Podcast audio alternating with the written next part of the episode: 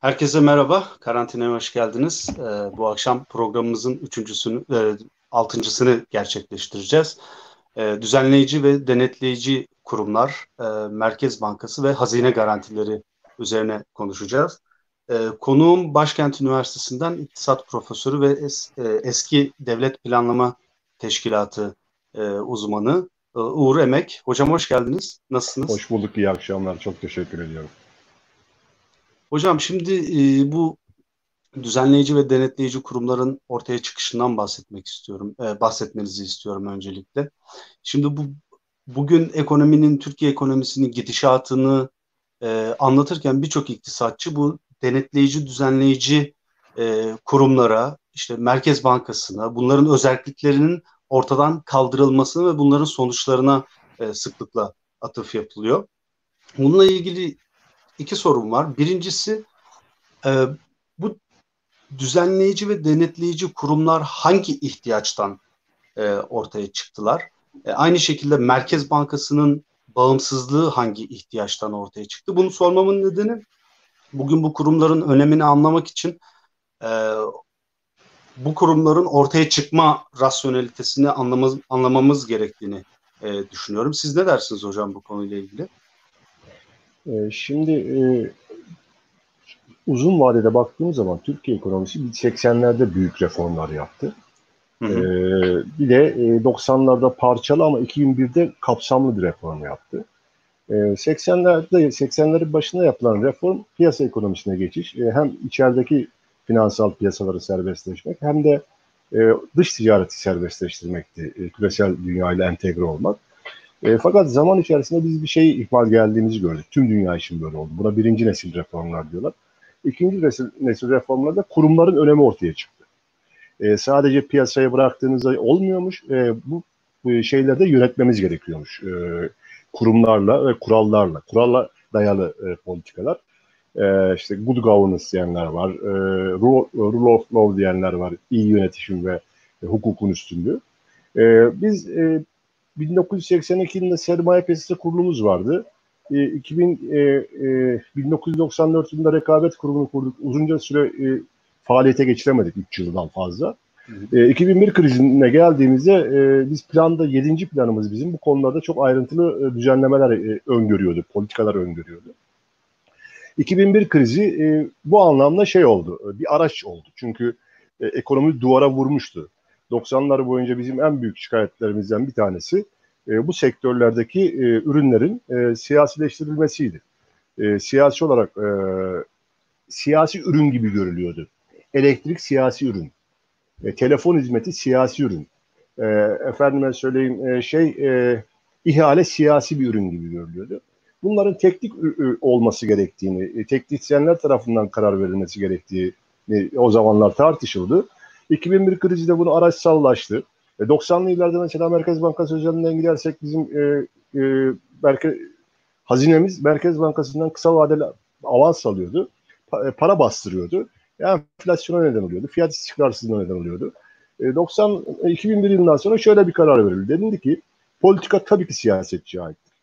Politikayı siyasetçi belirleyecek. Ve fakat ancak e, o politikanın gereğini de teknik olarak e, kurumlarımız yapacak. E, bağımsız kurumlarımız yapacak. Bağımsız olmaların amacı da şuydu. E, şöyle e, söylüyoruz e, e, Ömer. E, piyasalar aksıyor bir kere. Bunu biliyoruz. Serbest piyasalar her yerde mükemmel çalışmıyor. İstenilen sonucu üretmiyor. İşte e, eksik bilgi finansal piyasalarda, e, pazar gücü işte firmaların kartel eğitimi, rekabet e, eğilimi, evet oligopoller.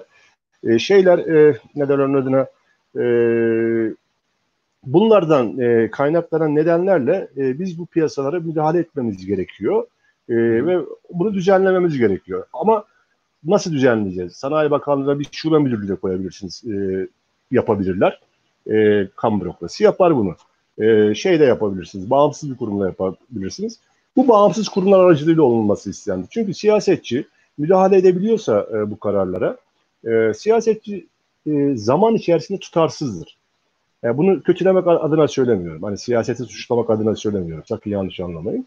Çünkü e, siyasetçinin e, uzun ömrü, uzun vadesi 4 yıldır e, e, ofiste kaldığı süredir. E, ofise geldiğinde yani işe aldığındaki e, öncelikleri iyi olan şeyler seçime gider, giderken kötü olabilir. Yani e, ba, işin başına geldiğinizde sıkı para politikası iyi bir şeydir. Ama seçim kazanacağınız zaman Merkez Bankası'nın para basmasını istersiniz. Size para vermesini istersiniz. E, veya aynı şekilde e, e, büyük şey gerektiren, e, yatırımlar gerektiren e, enerji sektöründe e, 20 yıl 30 yılda geri dönüşü var. E, hem bu zaman tutarsızlığı hem de e, siyasi iktidarların değişme ihtimali. Yani bir sonraki gelen siyasi iktidar ne yapacak e, diye. E, bu gerekçelerle e, şey olmuştu, e, bağımsız kurumlar kurulmuştu. Ve orada da mantık şuydu, e, bunlar bağım, e, hakikaten bağımsız olabilsin. Zaten kanunlarında kurallar konuluyor. E, atama usulleri çok özeldir bunların. Farklı kurumlar atardı. E, işte özel sektörde atayabilir. TOB atardı, şey, e, e, Danıştay atardı, yüksek yargıdan gelirdi. Bunların görev süreleri de beraber gelip beraber gitmezlerdi. İkişer yıl arayla atanırlardı ki e, e, aynı anda gelip gitmesinler, boşalmasın evet. o e, şey diye. Bir de görev süreleri 6 yıldı. Şeyden uzundu. E, seçim sürelerinden uzundu. O zamanlar 5 yıldı seçim, sonra 4 yıl alındı ama e, hı hı. siyasetçinin ömrü yetmesin hemen alıp vermeye, bir hükümetin ömrü yetmesin diye. Bu gerekçelerle e, kuruldu. E, Merkez Bankası üzerinden gidersek e, 4 tane, e, 3 tane bağımsızlık vardı. Hı hı. E, amaç bağımsızlığı yok. Amaç belli. Kanunla politikacı söylüyor. Senin görevin bu diyor. Bu görevin dışına çıkamazsın diyor. Amaç fiyat istikrarı. Bunun için sana diyor araç bağımsızlığı veririm diyor. Araç bağımsızlığını sen seçersin diyor. Merkez Bankası'nın 2012 yılında yayınlanmış bir raporu var. Orada bunu ayrıntılı bir şekilde anlatır. Benim diyor araç bağımsızlığım e, şeydir, e, kısa vadeli e, politika faizini belirlemektir. Bu faizi belirlerken kimseden, hükümet dahil kimseden onay almam ben bağımsızsam. Hükümetin bana faiz konusunda dikte etmesi benim bağımsızlığıma müdahaledir hükümetin e, büyümeyi finanse etmek için para basmamı istemesi benim faiz e, şeyime müdahaledir der. Hı hı. İkincisi ve daha önemlisi e, kurumsal bağımsızlık. E, ne demek istiyoruz? Yöneticilere statü e, güvencesi veriyoruz. Merkez Bankası e, e, üyeleri 5 yıldan önce görevden alınamazdı. Evet. E, veya diğer kurum e, görevli şeyleri 6 yıldan önce alınamazdı. E bunlar e, dediğim gibi koalisyonlarla tanırdı. E, Bakanlar Kurulu bu koalisyonlardan gelen iki kişiden birisini seçebilirdi. Yetkisi o kadardı Bakanlar Kurulu. Danıştay iki tane hakim gönderdiyse birini seçeceksin mutlaka. Yargıtay hakeza, Topa hakeza. Böyle şeyler vardı. O gerekçelerle kurulmuştu. Ve başlangıçta da e, genel olarak kabul görmüştü. Yani e, e, şey olarak hem genel kamuoyunda kabul gördü. Hem de bence sanırım e, 2001'den sonraki ekonomik performansın e, iyi gitmesinin 2007'ye kadar ekonomimizin güçlü olmasının gerekçesi o reformlardı. Biz şeye ne güven, e, güveniyorduk? E, 2007 krizinde ne dedik? Bankacılık sistemimiz çok güçlü. Çünkü bağımsız bir düzenleyicinin denetimi altında siyasi müdahaleye açık değil. E, şey de çok güçlü. E, e, kamu finansmanımız e, o e, tabii şeyleri mesela biz e, e, bütçe e, şey açığı veren kitleri, e, enerji kitlerini e, EPDK'nın e, şeyine koyduk, e, regülasyonuna koyduk. EPDK'ya denetledik.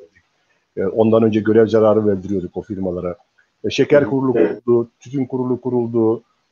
Şey ve kamu finansmanında artık bu açık olmayacağı için Merkez Bankası'nda para basmayacağına inandık. İhtiyaç olmayacak çünkü ekstradan basmaya. Ve or- oraya da dedik ki araç bağımsızlığım var serbest ve e, hükümetin de Merkez Bankası'ndan kısa vadeli avans alması yani para bastırıp e, almasını da yasakladık kanunda. E, o dönem başarılı bir süreçte devam etmişti gibi geliyor bana. Hocam bu AK Parti dönemiyle ilgili yani bu kurumlar hem Merkez Bankası'nı soruyorum hem de bu düzenleyici, denetleyici e, kurumları soruyorum. Bunlar nasıl bir dönüşüm e, geçirdiler? Az önce ilk yıllarından bahsettiniz. Hı hı. E, ilk yıllarında öyle zannediyorum ki e, AKP bu işte 2001 e, reformları olarak bildiğimiz reformları, bu kurumsal reformları devam ettirdi. Dediğiniz gibi 2007 yılına geldiğimizde e, disiplinli bir bütçeden, işte e, sağlam bir e, finans yapısından ve bankacılık sisteminden e, bahsediyorduk. Şimdi ne oldu da bugün bambaşka bir e, şeyden e, bahsediyoruz? Yani bu e, bu dönemleri kategorize etmek gerekirse e, bunlara nasıl yaklaşmak gerekiyor yani bu dönemlere? Nasıl anlamak e, gerekiyor? Zaman içerisinde e, bu kurumlar şöyle e, veto player diyorlar. E, veto oyuncusu bunlar bu kurumlar. Belirli işleri yapmanız için bunlarla e, görüş birliğine varmanız gerekiyor. E, bu veto player'lar, e, e, veto hakkına sahip şeyler sizin kararınızın kalitesini artırır. E, e, tartıştığınız zaman öyle olmasın böyle olsun dediğiniz zaman e, etrafınızdaki bağımsız kurumlar ve bireyler kararınızın kalitesini artırır. E, ama bir taraftan da can sıkar tabii ki. Yani e, eğer e, şu e, ruh şeydeyseniz, e, söylemdeyseniz, oyu ben aldım, sorumluluk da bende diyorsanız başka bir yere doğru gidiyor. E, şeyde e, hem e, siyasette uzunca yıllar dönüşümler, değişimler oldu biliyorsunuz. Anayasa değişiklikleri oldu. Evet. 2011'de çok kapsamlı bir anayasa değişikliği oldu. 2000 e, Cumhurbaşkanlığı hükümet sistemi denilen bir sistemde anayasa değişiklikleri oldu. E, bu süreçte güç kon, e, merkezde konsolide olmaya başladı. E, böyle olunca da e, hem e, şey olarak e, siyaseten bu kurumların e, varlığı biraz rahatsızlık yarattı yanılmıyorsam hem de şey e, rahatsızlık yarattı. E, e, bürokratların önemli bir kısmı da merkezi bürokratların önemli bir kısmı da bu kurumlardan rahatsız olmaya başladılar. Bunun hem formel hem, hem formel e, gelişmeleri var, ge, gerekçeleri var. İşte mesela en bildiğimiz yöntemlerden bir tanesi e, Cumhurbaşkanı'nın ben faizi düşürülmesini istiyorum demesi bir e, müdahale. Yani Merkez Bankası'nın 2012 raporunda tam bunu diyor. E, bu durumda Merkez Bankası'nın faiz oranlarını etkileme kabiliyeti ne kısıtlayan bir durum diyor. Yani her durum Merkez Bankası bağımsızlığına e, kısıtlanması anlamına gelir. Bunu biliyoruz. E, dönem içerisinde Merkez Bankası Başkanı'nın statü e, güvencesi elinden alındı. 5 yıl görevden alınamazdı. E, bundan bir önceki Merkez Bankası 3. yılında görevden alındı. E, kanun değiştirildi. O e, görev güvencesi elinden aldı. Atamalar dediğim gibi koalisyon yöntemiyle yapılır. Değişik kurumlar e, e, atama bildirirdi. E, artık gün itibariyle hepsini Cumhurbaşkanı atıyor tek başına. E, şey atanmıyor. E, ve e, şeylerde de kurumlarda da davranış biçimleri değişmeye başladı. Hı hı. Yani kamu ihale kurumunun ilk kurulduğu dönemdeki şeylerine bakıyorsunuz, itirazlara bakıyorsunuz. Yapılan itirazların e, normalde yüzde 22 civarında yanılmıyorsam ihaleler iptal oluyordu. E, şu andaki e, son dönemlerdeki e, kurul kararlarına bakıyoruz. İhalelerin yüzde biri ya da ikisi iptal oluyor. Yani e, nasıl diyelim onun adına? E, siz deyin e, bizim e, kurumlarımız ihale yapmayı öğrendi. Siz deyin e, yok hayır kamu ihale kurumu kurumlarımızı kollamayı öğrendi. E, o ayrı bir tartışma mevzu. E, şey oldu mesela e, biz e, Merkez Yapılan Bankası, yasal e, hocam mesela çok konuşuluyor. 150'nin üzerinde en son kaç oldu bilmiyorum. 200'e geldi artık. Onu 200'e geldi onu sayabilen de yok zaten. Yani e, e, şey olarak e, kamu ihale Avrupa Birliği'nden e, biz onu e, üstlendik. E, Avrupa Birliği'nin e, istatistiğine bakarsak bize de uyması lazım. Avrupa Birliği'nde e, kamu ihale alımları e, gayri safi yurt dışı hasılanın içer, yüz, e, içindeki payı yüzde 16'dır. Bizde 6. Yani yüzde 10'luk bir payı dışarıda tutmuşuz. E, ben şu kurumların bağımsızlığından gideyim istersen. E, mesela Mer Mer Merkez Bankası üzerinden gidelim. 2002 yılında e, biz e, örtülü e, enflasyon hedefleme sistemine geçtik. E, 4 yıl boyunca o dönemin başkanı, birinci e, o dönemin başkanı, enflasyon hedeflemesindeki başkanı enflasyon hedeflemesini tutturdu. Yani ne dediyse altına indi. Ondan görevden aldık. Bir daha atamadık o başkanı. Ondan sonraki başkan e, geldi. Beş dönemin ikisinde başarılı oldu. E, o da e, görevden bir alındı. Hedefleri bir tutturmak açısından söylüyorsunuz değil evet, mi? Evet, evet. Enflasyon yüzde sekiz olacak diyorsunuz. E, yüzde e, yedi buçuk yapıyorsunuz. Yedi, yedi buçuk olduğu zaman başarılı sayıyoruz. Evet. Başarılı sayıyoruz. Çünkü Aha. E, enflasyon hedefini hükümetle beraber yapıyor Merkez Bankası. Tek başına yapmıyor. Hükümetle dönem başında oturuyorlar. Önümüzdeki dönem enflasyon şu olsun diyorlar. Bunun hı hı. büyüme parametreleri, dış ticaret parametreleri her şey müzakere ediliyor. Sonuçta bu karara hükümetin kararı aslında bu. Sonra hükümet evet. diyor ki benim enflasyon hedefimi tuttur diyor. Aracın bağımsız senin diyor. Bu te- ne yaparsan yap. İlk başkan tutturdu. Dört dönem dördünde tutturdu. İkinci başkan beşin ikisini tutturdu. İkisi de yeniden atanmadı. Ondan sonraki başkanların hiçbirisi tutturamadı. E, zaten enflasyon hedefi diye bir hedef de var. Onu da bilmiyoruz. Niye diyeceksiniz? Merkez Bankası'nın sayfasına bakarsanız e, valla e, galiba 8-10 senedir hep %5 hiç değişmiyor. Yani. 5, 5, 5, 5 hani copy paste yapmış gibi. e, e, 5 değişmiyor. Bu mesela e, başarılı e, bağımsızlığını koruyan Merkez Bankası başkanlarının görevden alındığı yolunda yorumlanabilir. Hı hı. E, araç bağımsızlığını kullanan Merkez Bankası başkanları e, o kısa vadeli faizleri belirlemişler ve enflasyonu da başarılı olmuşlar. Hı. Demek ki bu tür e, bürokratlar zaman içerisinde yerini e, daha e, bağımsızlığını kullanmayı sevmeyen bürokratlara terk etmiş. Şey var ayrıca defokte durumlardan bir tanesi benim hala aklımda almadığım bir şey. Ulaştırma Bakanlığı ulaştırma ve haberleşme sektörünün politika sahibi, siyasi sahibi. Evet. Ulaştırma Bakanlığı'nın iki tane de kurum var, e, temel kurumu. Bir tanesi e, Bilişim Teknolojileri Kurumu, bağımsız kurum. Diğeri de Türk Telekom Operatör. Yani hı hı. regülatörün de üstünde, operatörün de üstünde. Ulaştırma Bakanı Müsteşarı dönemin e, Türk Telekom'un yönetim kurulu başkanı. Hmm. Başbakanlık Müsteşarı Türk Telekom'un e, yönetim kurulu başkan yardımcısı gibi. Yani e, şimdi evet. e, bu bağımsız kurum bu bağım şeyi operatörü denetleyecek.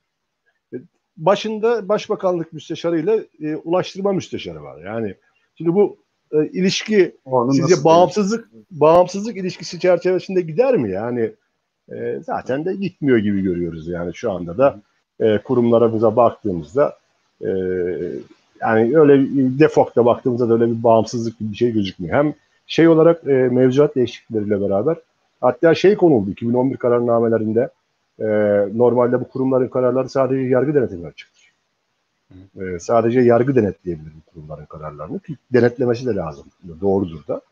Ee, Şimdi idare, idarenin denetlemesi gibi bir durum. İda, iki, evet 2011 kararnamelerinde öyle bir düzenleme getirildi. Yani e, şeylerde ilgili bakanlıklar da denetleyebilir diye. E, yani bunların hepsi e, şey olarak e, e, statü olarak bağımsızlığı zedeleyen unsurlar.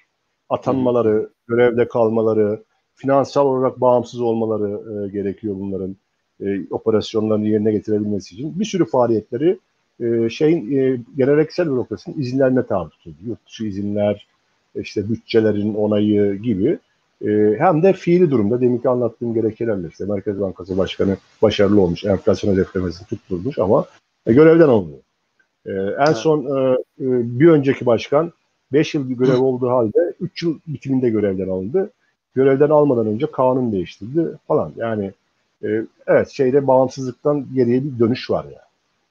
Peki bu bağımsızlıktan geriye gidişle e, şu anda yaşadığımız ekonomik darboğaz arasında yakın bir ilişki var diyorsunuz değil mi? Ee, evet. Yani e, bunu e... ya bu bu mekanizma nasıl sağlanıyor hocam? Mesela yabancı yatırımcılar bu kurumların artık bağımsız olmadığını düşünüp e, görüp daha az yatırım yapmaya ya da yani yatırım yapmaya belki 2000'li yılların başındaki kadar hevesli olmama gibi bir durum mu söz konusu oluyor? Mesela mekanizmalardan bir tanesi bu budur diyebilir miyiz? E, evet, e, güvenilir taahhüt. Deminki söylediğimiz zaman içerisinde uzun süreli taahhütünde duramayabilecek olmaları ve karar kalitesinin bozulması. E, karar kalitesinin teknik olmaktan çıkıp siyasi hale gelmesi.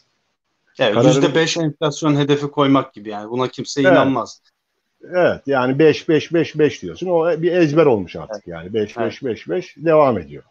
Ve e, şey olarak e, Ali Akarca diye e, e, e, Chicago'da University of Illinois'te bir hoca vardır. E, iktisat hmm. profesörüdür. E, onun çok değerli çalışmaları vardır e, şey olarak. E, seçmen davranışı ve iktidar partisi davranışı çalışır hocam prensip olarak. E, iktidar partisi davranışları seçmen davranışlarını nasıl etkiliyor? Seçmen davranışları iktidar, iktidar partisi e, davranışlarını nasıl etkiliyor? Bu konuda çok değerli çalışmaları vardır hocam. E, e, geçen Eylül ayında biz başkentte bir konferans düzenledik. Bize bir tebliğ sundu. O tebliğde çok ilginç bir şey söylüyor e, Ömer. E, şimdi tek parti hükümetleriyle koalisyon hükümetlerini karşılaştırıyor hocam. E, Türkiye'de dört tane tek parti hükümeti var. E, Demokrat Parti, e, Doğru Yol Partisi, Anavatan Partisi ve AK Parti. Şimdi diyor ki diğer aralarda da koalisyonlar var. E, koalisyon hükümetleri var. Hoca diyor ki birinci yılında tek parti hükümetlerinin büyüme performansı, e, ekonomiyi büyümeden alıyor. E, başarıyı, ekonomik başarısını büyüme üzerinden ölçüyor. Tek parti e, hükümetlerinin birinci yılında büyüme yüzde beş nokta dört. İzleyen yıllardaki büyümenin ortalaması 1.7. Beşte bir. Koalisyon hükümetlerinde koalisyon hükümetlerinde e, onun da kendi içinde teknik bir ayrım yapıyor ama e, e, uyumlu koalisyon, uyumsuz koalisyon diye. E, uyumlu koalisyon hükümetlerindeki e, e, ortalama büyüme oranı yüzde 4.6. E, ve bunu da bağımsız düzenleyici kurumlarla ve veto player e, o, e, veto oyuncusu e, kuramıyla diyor. E, birinci yılında diyor ki zaten bu tek partilerin önemli bir kısmında diyor e, iktidara gelmeden hemen önce kurulmuşlardır. Demokrat Parti haricinde. Demokrat Parti biraz daha uzun süreli e, oldu. E, seçime girdi. 4-5 sene kaldı. İktidarın hemen öncesinde diyor e, e, kuruldukları için diyor bir parti içi istişare e, mekanizmaları çok gelişmiştir bunların diyor. E, işte il, il başkanlıklarıyla, ilçe başkanlıklarıyla, e, ilgili kurumlarla diyor e, parti kurullarıyla istişare süreçleri gelişmiştir diyor. Onların her biri veto player'dır istişare ettiğiniz insanlar. Hayır, benle hemfikir olman lazım bu karar almak için veya en azından e, lider öyle hissediyor, istiyor e, onay alayım diye. Hem de şeydeki e, e, kurumlarla ve e, şeylerle e, hem bürokrasideki kurumlarla e, hem de e, bürokrasi dışındaki sivil toplum örgütleriyle, uluslararası örgütlerle istişareye çok önem veriyorlar.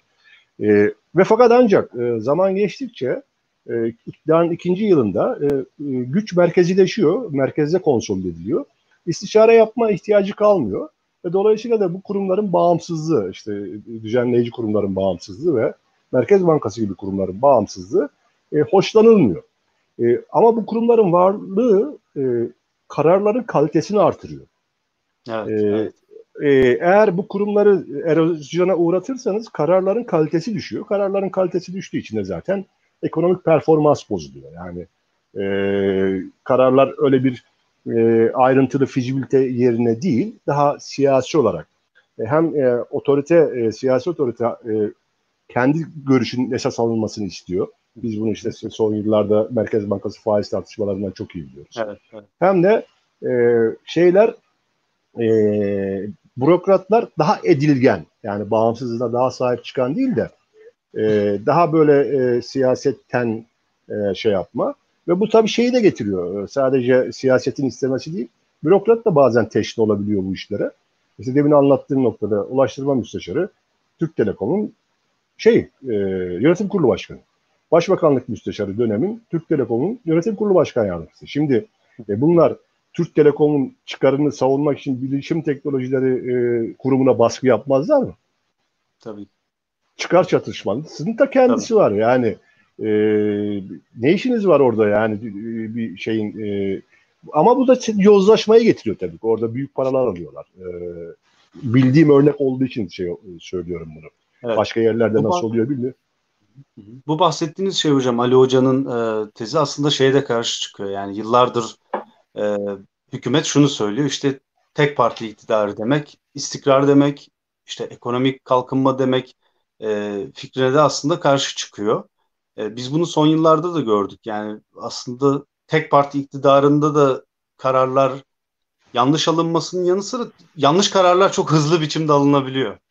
E, böyle bir e, problemle karşılaşıyoruz sanıyorum AK Parti iktidarında. Yani daha önceki evet. hükümetleri özellikle 90'lı yılların hükümetlerini hep şey olarak eleştiriyorlardı. Yani bunlar işte iki parti bir araya gelip bir politikayı işte uygulamaya konacak koyacaklar da işte yozlaşmış e, bürokratlar onları takip edecekler de ya da kendi amaçlarını formüle edip kendi yollarını izleyecekler. İşte ortaya böyle yekpare bir ekonomi politikası çıkmıyordu gibi bir şey söylüyorlardı. İşte bugün o... baktığımızda dolayısıyla hani böyle ekonomik reformlar için en uygun olan şey aslında tek parti iktidarı gibi. Ben aslında buna kısmen katılıyorum. Yani tek parti iktidarının da e, bir takım avantajları olabilir. Kararları hızlı biçimde ortaya koymak bakımından. Ama o tek parti iktidarının karakteristik özellikleri çok önemli. Ve veto player'lar sizin bahsettiğiniz veto oyuncuları olmadığı zaman e, bu sefer işler çığırından çıkabilir. E, yanlış kararları durduracak hiçbir mekanizma ve hiçbir kurum ortada kalmayabilir. Veya parti içi bir rakip ortada kalmayabilir. Herhalde şu anda AK Parti döneminde buna benzer bir şey yaşıyoruz. E, evet işte o e, dönem içerisindeki istişare mekanizmalarının zayıflamasından kaynaklanıyor. Hı hı. E, koalisyon hükümetleri doğası gereği doğası gereği şey istişare yapıyor. Evet. Birbirleriyle çekişiyorlar. O çekişme karar kalitesini artırıyor. Ve o blok siyasilerin çekiştiği noktalarda ki boşlukları da teknisyen bürokratlar dolduruyor. E, o teknisyen bürokratlar kendilerine boşluk buluyorlar. O boşlukta ka- kararlar teknik çıkıyor. Yani şey diyebilirsiniz.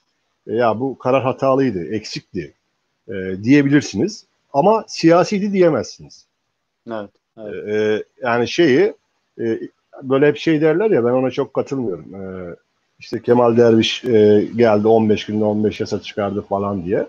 E, onun arkasında çok ciddi bir bürokratik birikim vardı. Kemal Derviş evet. 15 günde çıkarabilecek 15 yasa, yasayı hazırlayacak bir bürokrat bulmuştu burada yani. O bürokratlar bunları 95'ten 94'ten beri bu tür yasaların çıkması gerektiğini söylüyorlardı. Planlarda söylüyorlardı, e, programlarda söylüyorlardı. Kemal Derviş onu hazır bulduğu için yapabildi. Yoksa bir yerden alıp gelmedi 15 tane e, yasayı. E, bu bürokratların ürünüdür. Yani o şey 2001 ben bunu e, o dönemde bürokraside bulunan birisi olarak şey yapıyorum e, haksızlıktır. Yok IMF geldi dayattı bunu çıkarın dedi falan.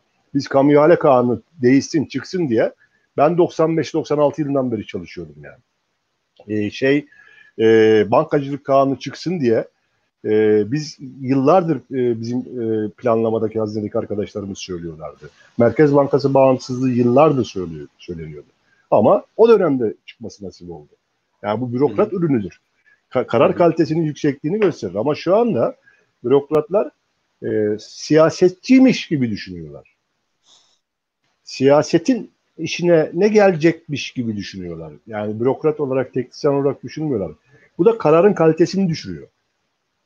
Yani e, amaç fonksiyonu farklı. Yani bir düzenleme yaparken e, o piyasalarda etkinliği artıralım, istikrarı sağlayalım, verimliliği yükseltelim, istihdamı yükseltelim gibi değil. E, bu piyasalarda ne yaparız da e, e, zaten siyasilerin e, e, bu e, Akarcı Hoca'nın söylediği şey e, zaman içerisindeki davranış biçiminin değişmesinin en önemli e, özelliklerden bir tanesi seçim kaybetme korkusu. Evet. evet. Seçim kaybetme korkusu nedeniyle bu teknik kararlardan rahatsız oluyorlar. E, ama e, işte, bürokratın burada o ve, e, veto oyuncusu gücünü kullanması lazım. Olmaz diyor olabilmesi lazım. Ama bürokrat da bugün hı hı. Ee, Kurumların mantığı oydu. Açıdan, evet evet evet. Yani bağımsız... Bürokrat birçok açıdan çok affedersiniz hocam böyle Yo, bir şey oldu. E, problem oldu se, e, sesler. E, ya birçok açıdan aslında koopte edilmiş durumda ya da e, bir takım teşvikler var bürokratlar için. Yani siyasi planları var. Hem e, terfileri büyük ölçüde e, siyasi. E, evet. E, işte yani böyle 40 yaşında insanlar normalde belki uzman olarak görevine devam etmesi gereken e, liyakate ve e, ortalama yaşa sahip e, birisi bir anda daire başkanı oluyor, kurum başkanı e, olabiliyor. E, onun haricinde çokça böyle e, tecrübeli insanlar halen daha uzman olarak e, görev yapıyor. Ben arkadaşlarımdan da bildiğim için işte devlet e, personel başkanlığında vesaire e, böyle bir durum söz konusu. Onun haricinde bir de e, koopte edilmesi var. Yani bürokrasi içerisinde e, hükümetin çok hoşuna gitmeyeceği bir e, politikayı baskıladığı zaman bunun hayata geçmesi için mücadele ettiği zaman bunun sonuçlarına karşı e, sonuçlarıyla karşı karşıya geliyor. Kitap göstereceksiniz herhalde hocam. Evet bu 2002 yılında TÜSİAD için hazırlamış olduğumuz bir rapor. Bağımsız Düzenleyici Kurumlar ve Türkiye Uygulaması. Hı hı hı. Burada ciddi biçimde bürokrasi teorisi çalışmıştım ben bir iktisatçı olarak. E, bu liyakat, e, sadakat işlerini burada uzun uzun konuşmuştuk yani. Şimdi Hı. daha uzun konuşmayalım. E, ama e, vaktimiz nerededir bilemiyorum. E, ama bu şey, e, e, e, liyakatından almadığı müddetçe, merit based olmadığı müddetçe atamalarda e, şey de e, e, atayanlara da zarar verir bu arkadaşlar. Evet. Yani e, uzun vadede atayanların da aleyhine olur. E, onların alacağı kararlar. O nedenle e, bu teknik işlerin, tekrar söylüyorum, teknik ve e, politika yapıcılığının birbirinden ayrılması lazım. Politika tabii ki siyasetin hakkıdır yani. Ama o e, politik olarak belirlenmiş hedefe varma yöntemini bürokratın belirlemesi gerekiyor. Evet, ya bu kurumların evet. tamamıyla mantığı buydu yani. Hı hı.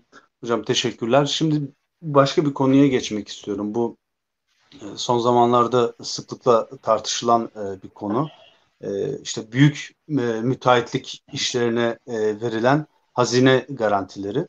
Bunlar kamu özel işbirlikleri. Ve hükümet işte bunları bunların çok faydalı projeler olduğunu söylüyor bize. Bunun arasında bunun içinde işte köprüler var, havalimanları var, e, şehir hastaneleri var. Son günlerde o da e, sıklıkla tartışıyor. Yani hükümet bunu nasıl rasyonalize ediyor? Çünkü birazdan onu da konuşacağız. Bunların ciddi bir maliyeti var e, devlet bütçesine e, ve yıllara yayılan e, bir maliyeti var.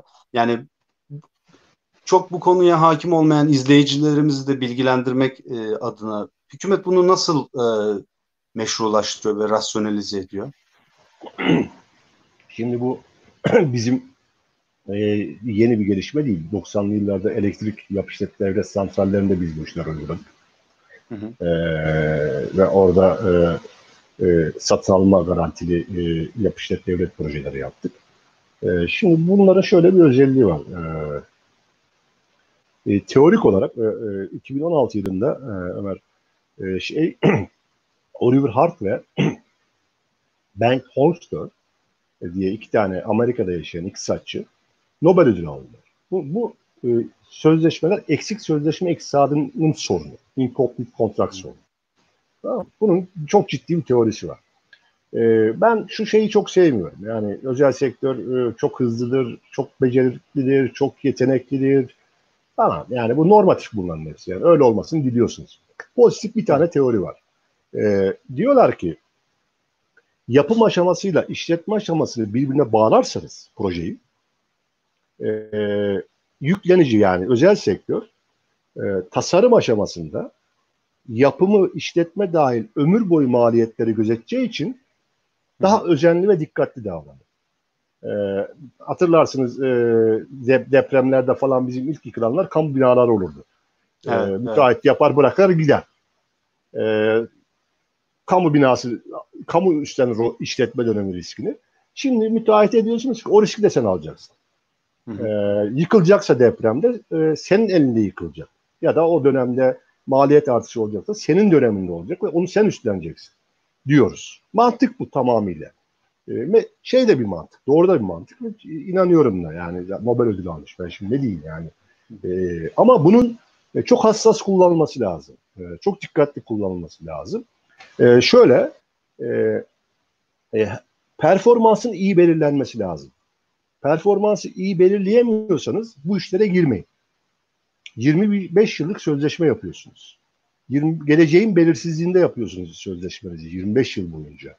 E, bu e, eksik sözleşmeler e, şey sorunu yaşıyorlar kendi içerilerinde. E, e, fırsatçılık sorunu yaşıyorlar e, bound rationality diyorlar. Bireylerin şeyi kısıtlıdır. Kapasitesi 25 yıllık sözleşme yazamazsınız. Belirsizdir. Bu basit işlerde yapın bunu diyorlar. Yani e, performansı iyi belirleyebilin. O yüzden mesela bakın ulaştırma yatırımlarını yapılır. Yolun performansını belirlemeniz kolaydır. Yol yol işte. Beton yol olacak. E, yıllık benim trafik kaza oranımı yüzde yarımı geçirmeyeceksin. Ona göre adam yolunu yapacak yani eğimlerini falan yapacak. Standartın belli.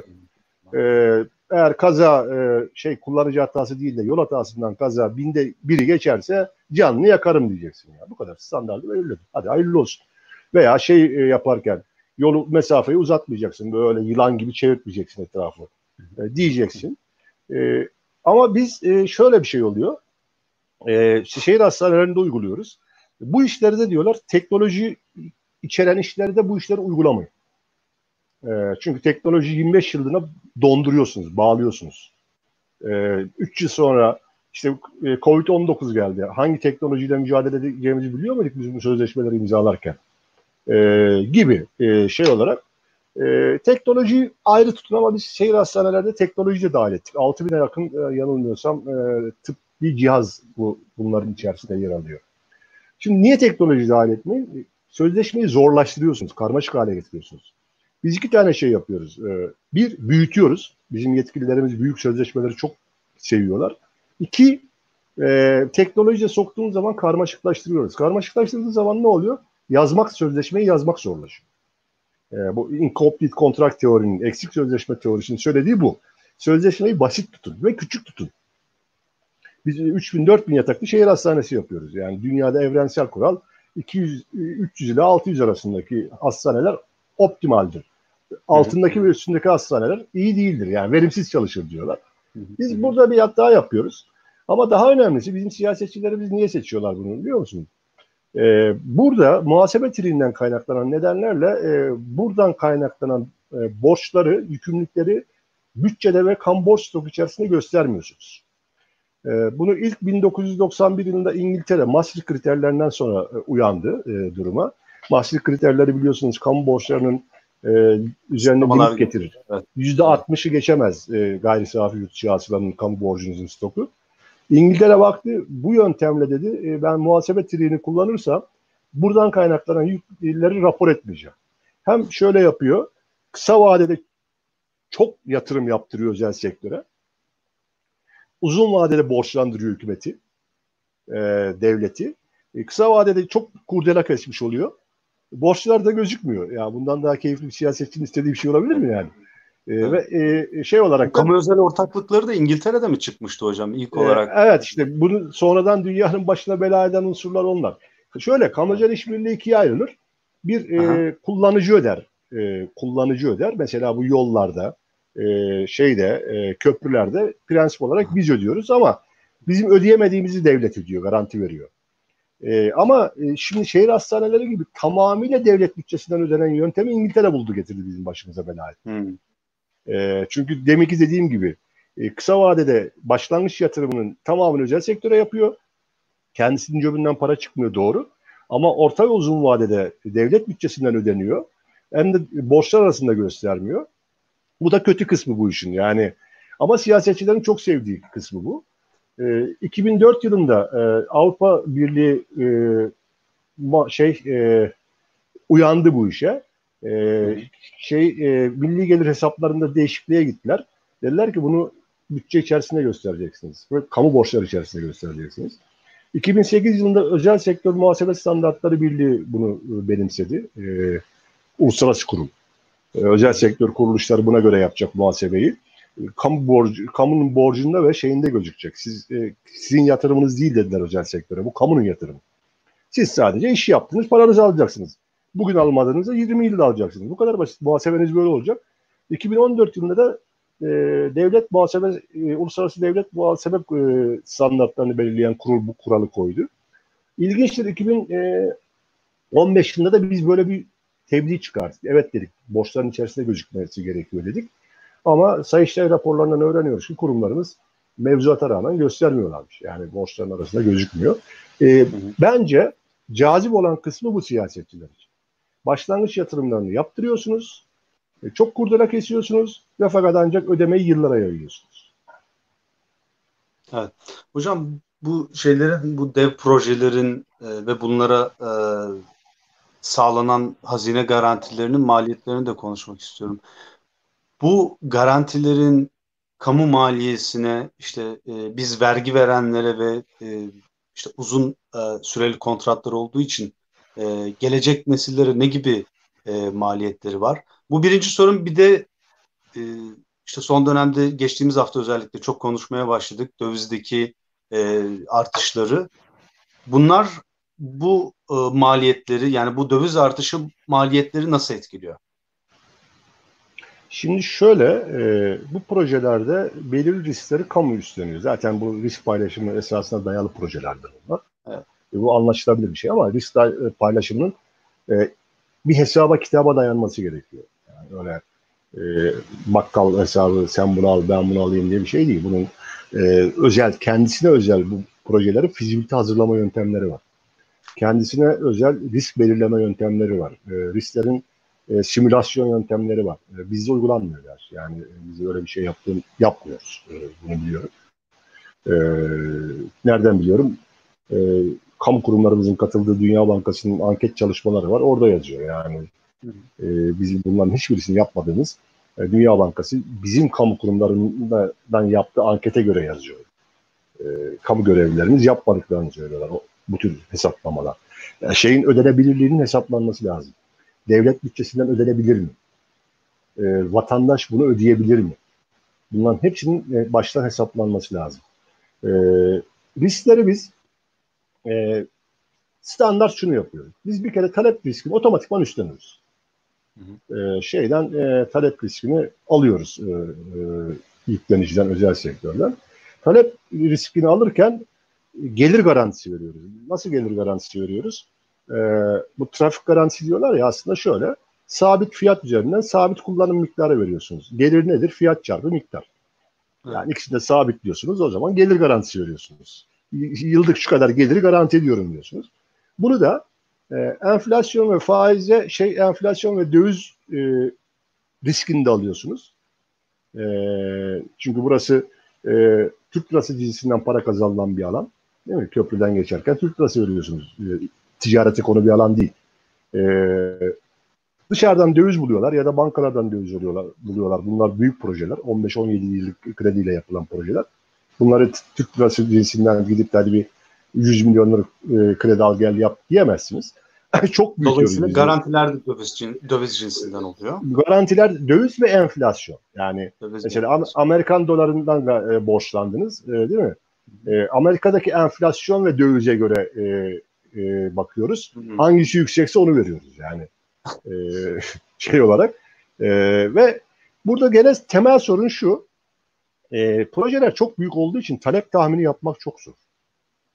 E, büyük projelerde talep tahmini işte karşılaşıyoruz. Garanti verilen şeyler yollardan geçen yok, köprülerden geçen yok. Belli ki çok e, iyimser davranmışız. Demişiz ki ya buradan geçer diye düşünmüşüz yani. Osman Gazi Ge- Köprüsü yolu çok evet. kısaltıyor. Tabii ki geçer diye düşünüyoruz. E, geçer diye düşünüyoruz ama e, şöyle bir şey var. İşte geçmiyorlar yani. Şimdi Os- e, Osman, e, Osman Gazi Köprüsü'nü e, eğer kullanılmayacak bir köprü yaptıysanız iki tane şey yapmış oluyorsunuz. Bir kötü proje seçmiş oluyorsunuz.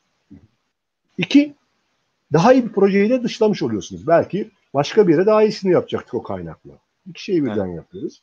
Şimdi ödenebilirlik. E, bugün e, şöyle bir sizin duyuruyu gördükten sonra bir bakayım dedim. Bu hı hı. ödenebilirlik hesaplanmış mı? Şimdi Osman Gazi Köprüsü'nün e, bu yılki geçiş fiyatı 117 lira 90 kuruş. E, ben sözleşmeye göre e, fiyatı hesapladım. Yani sözleşmeye göre olması gereken fiyatı hesapladım. Hı hı. 270 lira. E, demek ki e, aradaki 152 lirayı biz bütçeden katkı payı olarak ödüyoruz. Tamam e, çünkü ucuzlatmaya çalışıyoruz. Belli ki ödeyemiyor vatandaş bunu. Yani. Hocam hemen şunu soracağım. Bu e, belli geçiş sayısının dışında devletin ödediği. Tabii tabii şöyle. Değil mi? yani atıyorum günlük günlük 20 bin araç garantisi verilmiş. Diyelim 10 bin araç geçiyor. O 10 bin araçtan bahsettiğiniz işte 130 liralık bir farkı devlet ödüyor. 152 lira. 152 kaç, kaç para? 152. 152 lira. 152 lirayı devlet ödüyor. Onun dışında e, garanti edilen miktara kadar olanın tamamını da devlet ödüyor yine değil mi? Şöyle sayısallaştırayım istersen. Bizim Aha. Osman Gazi garantimiz 40 bin. Tamam Şimdi evet. 20 bin aracı e, geçtiği söyleniliyor. 20 bin de geçmiyor. Hı hı. Şimdi geçmeyen 20 bin araç için 20 bin çarpı 270 lira ödeyeceğiz. Tamam 20 bin çarpı 277. Şu anda hesap makinesi yanında yok. E, izleyiciler e, çarparlar. Geçen 20 binden geçen arkadaşlar 117.90, 118 lirayı ödüyorlar. O 20 bin içinde 152 lira ödeyeceğiz. Yani e, bu bu projenin e, talep tahminindeki ödeme e, şey e, İngilizceleri kullanıyorum ama kusura bakmayın yani affordability diyorlar. Yani bunu bütçeden de mi ödenebilir, şeyden de mi ödenebilir, e, vatandaş da ödeyebilir. Bunların testinin yapılması lazım. E, şey hem giderken ödeyeceksiniz hem gelirken ödeyeceksiniz. Evet. Yani e, bölge ekonomisinde katkı sağlamasını bekliyorsunuz. E, bölge ekonomisine katkı sağlayacak bir kamyon şoförü giderken gelirken kamyonlarda daha yüksek bu. Ben bunu otomobil için söylüyorum. Kamyondan hesaplarsanız daha yüksek rakamlara gidiyor. İşte Yavuz Sultan e, Selim'de de hakeza öyle. Avrasya Tüneli'nde de hakeza öyle. Yani Av Avrasya Tüneli e, e, kaç paraydı ya? E, almıştım ama e, okuyamadım yazıyı. Yavuz Sultan Selim'de e, Fatih Sultan Mehmet ve diğer köprü e, Boğaziçi Köprüsü tek yönden para alındığı için orada da tek yönden para alıyorlar ama Avrasya Tüneli'nde çift yönden para alıyorlar. Yani Boğaziçi Köprülerinde tek yön. Hem giderken ödüyorsunuz hem gelirken ödüyorsunuz. E, bu millet bağırıyor. Çok pahalı diyor yani. Bu demek ki ödenebilirlik e, hesabı yapılmamış. E, bunlarda bir eksiklik var. E, ve e, şehir hastaneleri mesela e, burada doğrudan biz ödüyoruz. Yani orada garanti de yok. Hani kullanan şu kadar öder. E, Sağlık Bakanlığı bütçesinin üçte birini işgal ediyor şu anda e, şehir hastaneleri. Yüzde otuz, otuz, otuz, otuz, otuzuna yakını işgal ediyor. E, ileride bu bütçelerin e, donma ihtimali var. Yani bu ödemeler nedeniyle bu bütçelerde başka işlere para tahsil edemeyebiliriz. Şunu yapabiliriz tabii. E, kamu gelirlerimiz yüksek olsa bu kuruluşlara daha yüksek e, ödenek tahsil edebiliriz. Ama işte bütçe açıklarımız has safhada yani. E, bir sürü şey bizden hizmet bekliyor. E, sadece şehir hastaneleri ve altyapıda şey ulaştırmadaki projeler değil ki. Başka yerlerde de yap, yapılması gereken bir sürü altyapı e, hizmeti var. E, sağlıkta var, şey eğitimde var, e, ne bileyim yani e, çevrede var, e, orada var, burada var. Yani biz e, kamu finansmanı rahat bir ülke değiliz. E, buradaki ben benle benim gör, öngördüğüm tehlike zaman içerisinde bu e, bütçeleri donduran bu rakamlar o bütçeler içerisinde diğer hizmetlere harcama yapmayı zorlaştırabilir. Yani bunu bir, bunu bir e, şey olarak söylemek durumundayım. E, ve nitekim biz yıllardır özellikle şehir hastaneleri konusunda e, da ben yazıp çiziyordum. E, 2020 bütçesinde Sağlık Bakanlığı şehir hastanelerinin bu yöntemle yaptırılmasını durdurdu. Sağlık Bakanı dedi ki abi bu yöntemle yapmayacağız artık. Devlet bütçesinden yapacağız. Geleneksel yöntemle yapacağız biz. Çünkü bu çok şey getiriyor. Bakanlık gerekçeyi açıklamadı ama benim e, yorumum bu yani sadece yorum. Buradan böyle katlanarak yük geliyor. Bunları biz tamam gene aynı hastane modeli ki e, bence hala büyüktür o modeller. Ama biz kendimiz yapacağız devlet bütçesinden. Kendimiz işleteceğiz. Bize geldiler. E, sanırım da bu e, şeyde e, finansal yükten ki bu işleri de İngiltere'de falan bıraktılar. E, gerekçesi de şey deminki anlattığım o %60 sınırına gelmeye başladılar rapor edince bütçe içerisinde yapamıyorlar artık yani ama işte biz yapmaya devam ediyoruz. Anladım. Hocam aş- aşağı yukarı kaç milyar dolarlık bir e, maliyet söz konusu bu e, ee, garantiler bağlamında? Yakın dönemde bir hesaplama yapmıştım e, Ömer. E, e, şehir hastaneleri e, artık şehir hastanelerinin ödeneklerini bütçeye koyuyoruz. Bu tahmin falan değil. Tamamıyla bilgi. E, bütçeden 2022 ödeneğine bakıyorum şehir hastanelerinin. 2022'de tüm hastanelerin açılacağını kabul ediyoruz. Çünkü programa göre 2021'de açacağız diyor. Yani 2022'de tüm hastaneler operasyonda. Yeni hastanemiz yok.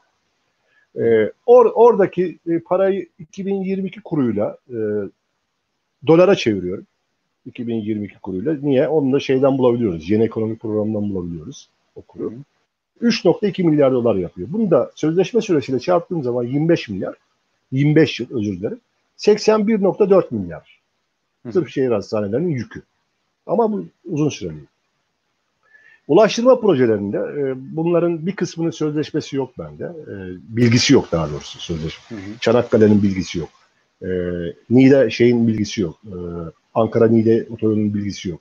Kuzey Marmara e, bağlantı yollarının bilgisi yok.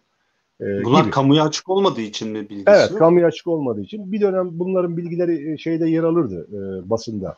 Şu kadar garanti verildi, şu kadar e, evet. e, şey Osman Gazi'nin falan 2010 yılında ihalesi yapıldığında ayrıntılı biçimde hatta gazeteler harita vererek bile yani böyle işte şu mesafe şu kilometre e, bu kadar garanti falan diye onları hesaplayabiliyorduk ama şu anda e, gizli olduğu için hesaplayamıyoruz. Yani en azından ben erişemiyorum yani. Orada bir 26.4 milyar dolar var e, ulaştırma projelerinde. Benim açık kaynaklardan erişebildiğim bilgilere göre. Akkuyu Nükleer Santrali var. O da e, devletten devlete kamucal işbirliğidir. E, şeyden şeye değil. E, devlet özel sektör arasında değildir ama gene yapışlet devlet projesi. Orada da biz e, Rus e, gaz şey e, elektrik firmasına, nükleer elektrik firmasına elektrik satın alma garantisi veriyoruz. Orada da bir 35.2 milyar var. Basında bu bilgiler var. E, basında paylaşılıyor. E, 142,5 milyar dolar. E, bunun 2017'den beri bütçe ödenek koyduk. Ödemeye başladık. Bir kısmı ödendi bu 142,5 milyarın. Ee, belki de oturup bir de ne kadar ödediğimizi hesapladıktan sonra çıkarıp bakiyeye bakmam lazım benim. O konuda biraz ihmal geldi galiba. Ama önemli bir kısmı duruyor. Bunu zaman içerisinde ödeyeceğiz. Böyle de e, büyük büyük var. Yani. yani bu hem bugünkü iktidarın e, önündeki yıllar için ciddi bir e, yük olarak e, gözüküyor. Hem de eğer iktidar değişirse bundan sonraki iktidarın sırtında da bir e, yük olarak e, bu garanti ödemelerini göreceğiz herhalde değil mi hocam? Göreceğiz. Şöyle bunu e, dünya örneğini gördük. Portekiz'de gördük biz bunun örneğini. Portekiz'de yol ihalelerini yaptılar. Otoyol ihalelerini bu işlerle yaptılar. Sonra Portekiz, Portekiz'deki e, karayolu işletmesi, kamu karayolu işletmesinin bütçesi öyle bir hale geldi ki sırf bu projeler ödeme yapıyor. Başka hiçbir şey para yok. E, diğer yerlerdeki yolların bakım onarımını yapamıyor. Yani e, orada şöyleydi projenin e, özelliği aynı bizim şehir hastaneleri gibi böyle, ulaştırmada bir garanti verilmiyordu. Devlet dedi ki tamamını ben ödeyeceğim. Vatandaşını da bedava geçireceğim. Bize ulaştırmada e, ücret alıyorlar bizden. Evet. E, orada yok. Herkesi ben geçireceğim dedi. Ama öyle bir hale geldi ki e, para buraya gidiyor. Diğer yollara bakım onarım yok. Yeni yol yapamıyor. Vazgeçtim dedi e, vazgeçtim sizden para alıyorum dedi vatandaşa. e, ben de şey diyorum şehir hastanelerinde bizlere ekstra bir ödeme gelirse şaşırmayın. Bakalım hocam. Hocam çok teşekkür ederim. Ee, başka ben bir sürü sorum vardı ama e, sormaya fırsatım olmadı. Yaklaşık e, 50 dakikadır e, konuşuyoruz. E, çok teşekkür ederim hocam. Ağzınıza, emeğinize sağlık. Teşekkür ediyorum. Dinleyicilerimize de teşekkür ediyorum. Bundan sonraki e, programlarımızdan haberdar olmak isterlerse e, YouTube kanalımıza gidip abone olabilirler. Herkese iyi akşamlar. Güle güle. İyi akşamlar. Kendinize iyi bakın lütfen.